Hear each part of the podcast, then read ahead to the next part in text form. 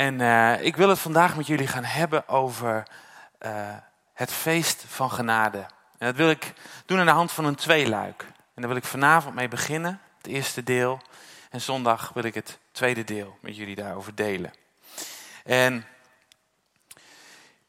deze uh, ja, tweeluik, die bestaat uit de twee wonderen van Jezus die in Johannes beschreven staan. Er staan heel veel wonderen beschreven, maar ik wil het met jullie hebben over het eerste en het laatste, of het zevende wonder, zoals dat heet.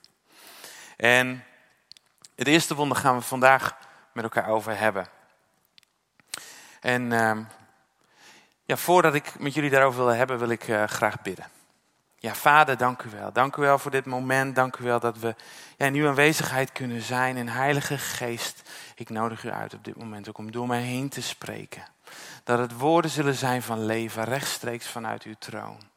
En dat het woorden zullen zijn, Heer, waardoor we van binnenuit ook mogen veranderen. Dat we ja, van binnenuit steeds meer mogen gaan lijken op u.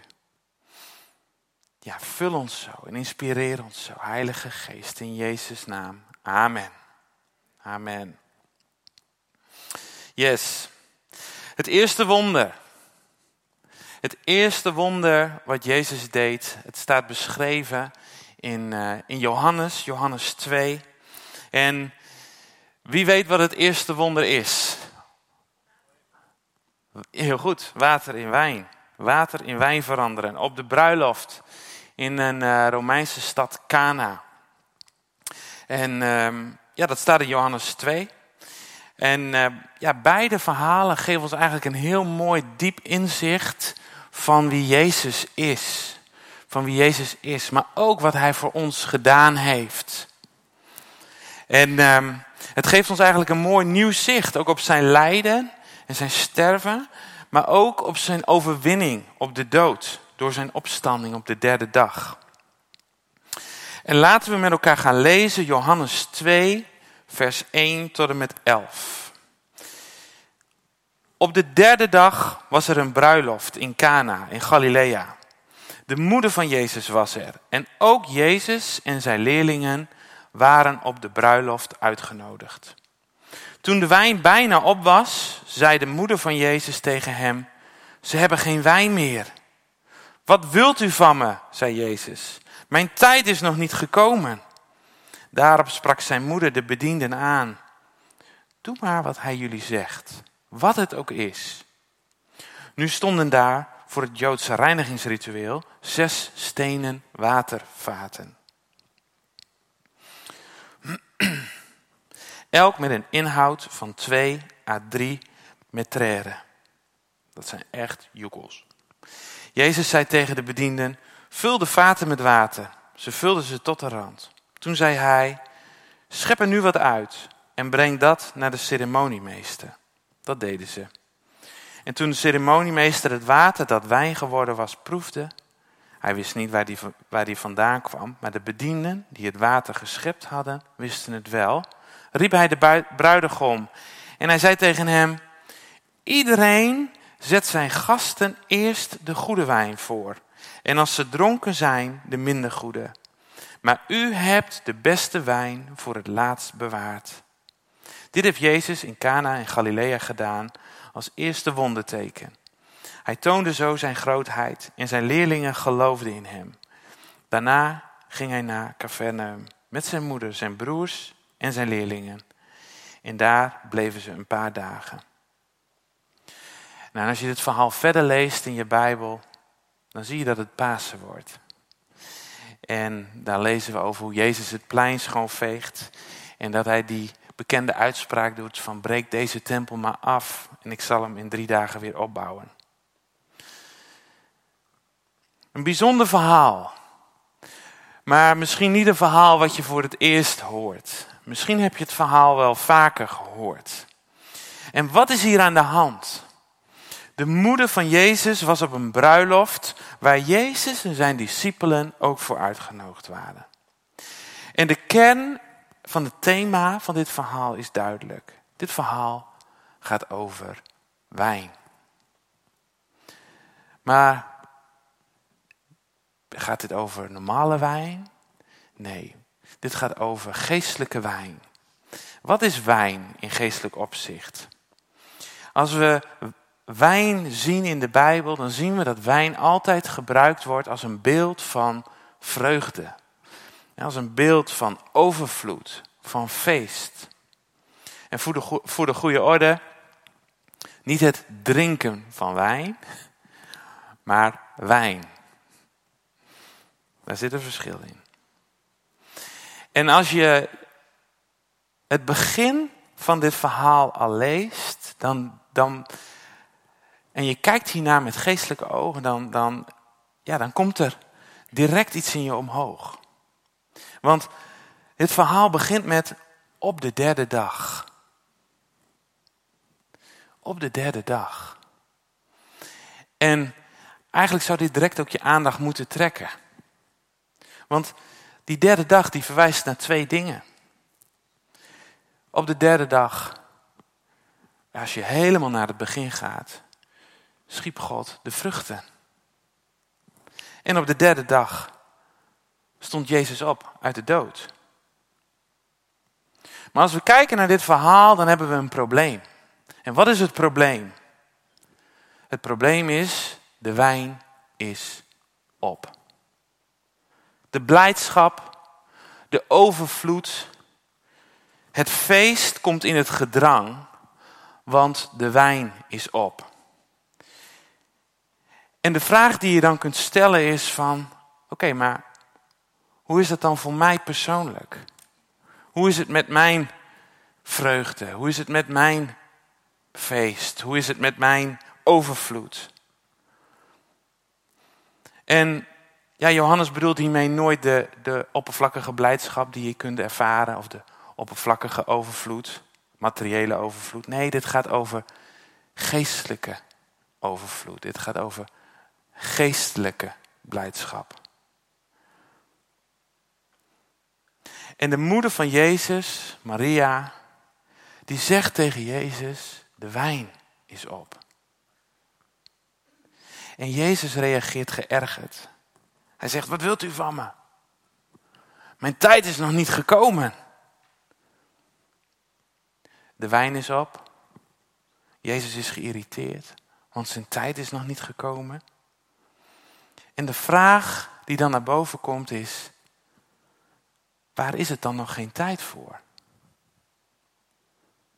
Waar is het dan nog geen tijd voor? In het beeld ontstaat van een moeder die haar zoon vraagt om iets voor haar te doen. Maar ja, hij ziet er tegenop. Of hij hoeft het niet te doen, want zijn tijd is nog niet gekomen om dat te doen wat er van hem gevraagd wordt. Maar hij is gehoorzaam. En hij doet wat ze van hem vraagt. En wat hier gebeurt, is profetisch in alle opzichten. Het is een profetisch beeld van Jezus die gehoorzaam is, doet wat er van hem gevraagd wordt. En wat moet hij doen? Hij moet voor nieuwe wijn zorgen. Want de wijn is op. De wijn als beeld van blijdschap, als beeld van overvloed, als beeld van feest. En Jezus is de enige, Jezus is de enige die ervoor kan zorgen dat het feest door kan gaan. En hij is gehoorzaam en hij doet wat er van hem gevraagd wordt. En Maria, die doet op dit moment het enige juiste wat ze kan doen. En ze zegt tegen de bedienden, doe maar wat Jezus jullie zegt, wat het ook is. En eigenlijk zegt ze dit ook tegen ons. Eigenlijk zegt ze dit vandaag ook tegen ons. Doe maar wat Jezus tegen je zegt, wat het ook is. En dan staan daar zes reinigingsvaten. Zes rituele reinigingsvaten. Joekels van vaten. Waar de gasten, de Joodse gasten, zich volgens de wet moesten reinigen. Volgens de wet van Mozes. En die vaten waren leeg. En de rituele reinigingsvaten zijn leeg en de wijn is op. De vaten zijn leeg en de wijn is op. En je zou kunnen zeggen, ja, nu zijn we eigenlijk op een absoluut dieptepunt beland. Donkerder wordt het niet op dit feest. Denk eens aan de schande, aan de schaamte. Je bent pas halverwege het feest en je zit zonder wijn. Hoe heeft dit kunnen gebeuren? Hoe heb je het zo ver kunnen laten komen in je leven? Dat je leeg bent. Je vat is leeg en je wijn is op.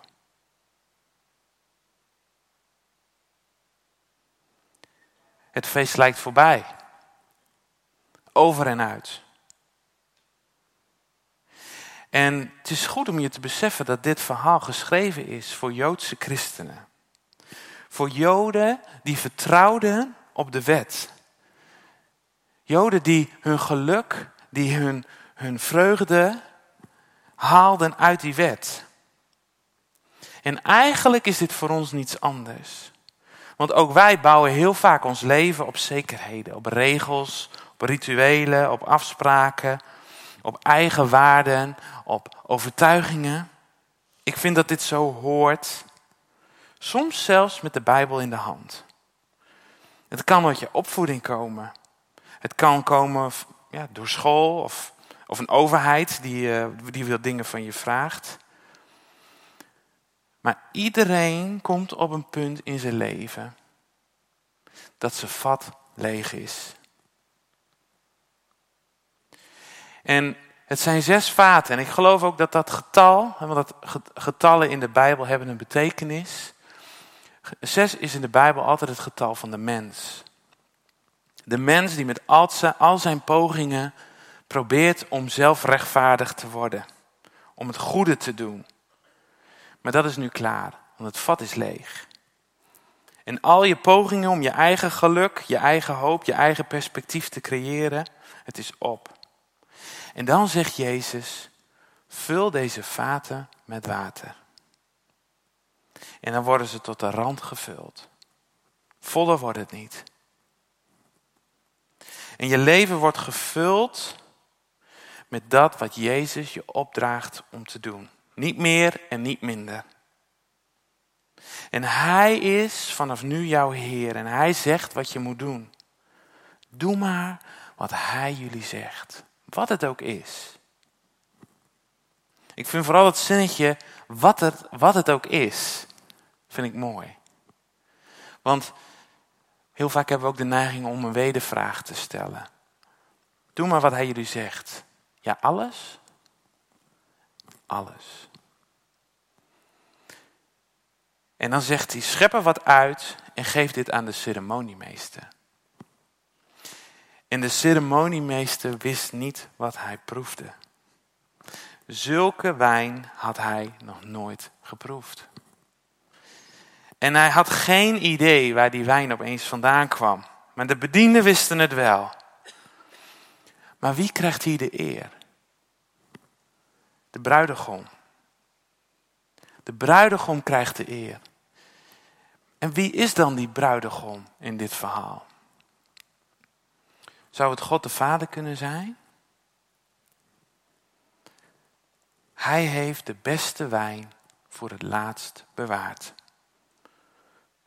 God heeft de beste wijn voor het laatst bewaard.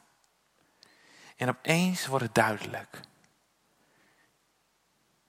Opeens wordt het duidelijk. Jezus verandert lege wettische vaten in vaten met nieuwe wijn. En wie is die nieuwe wijn? Die nieuwe wijn in het verhaal is Jezus.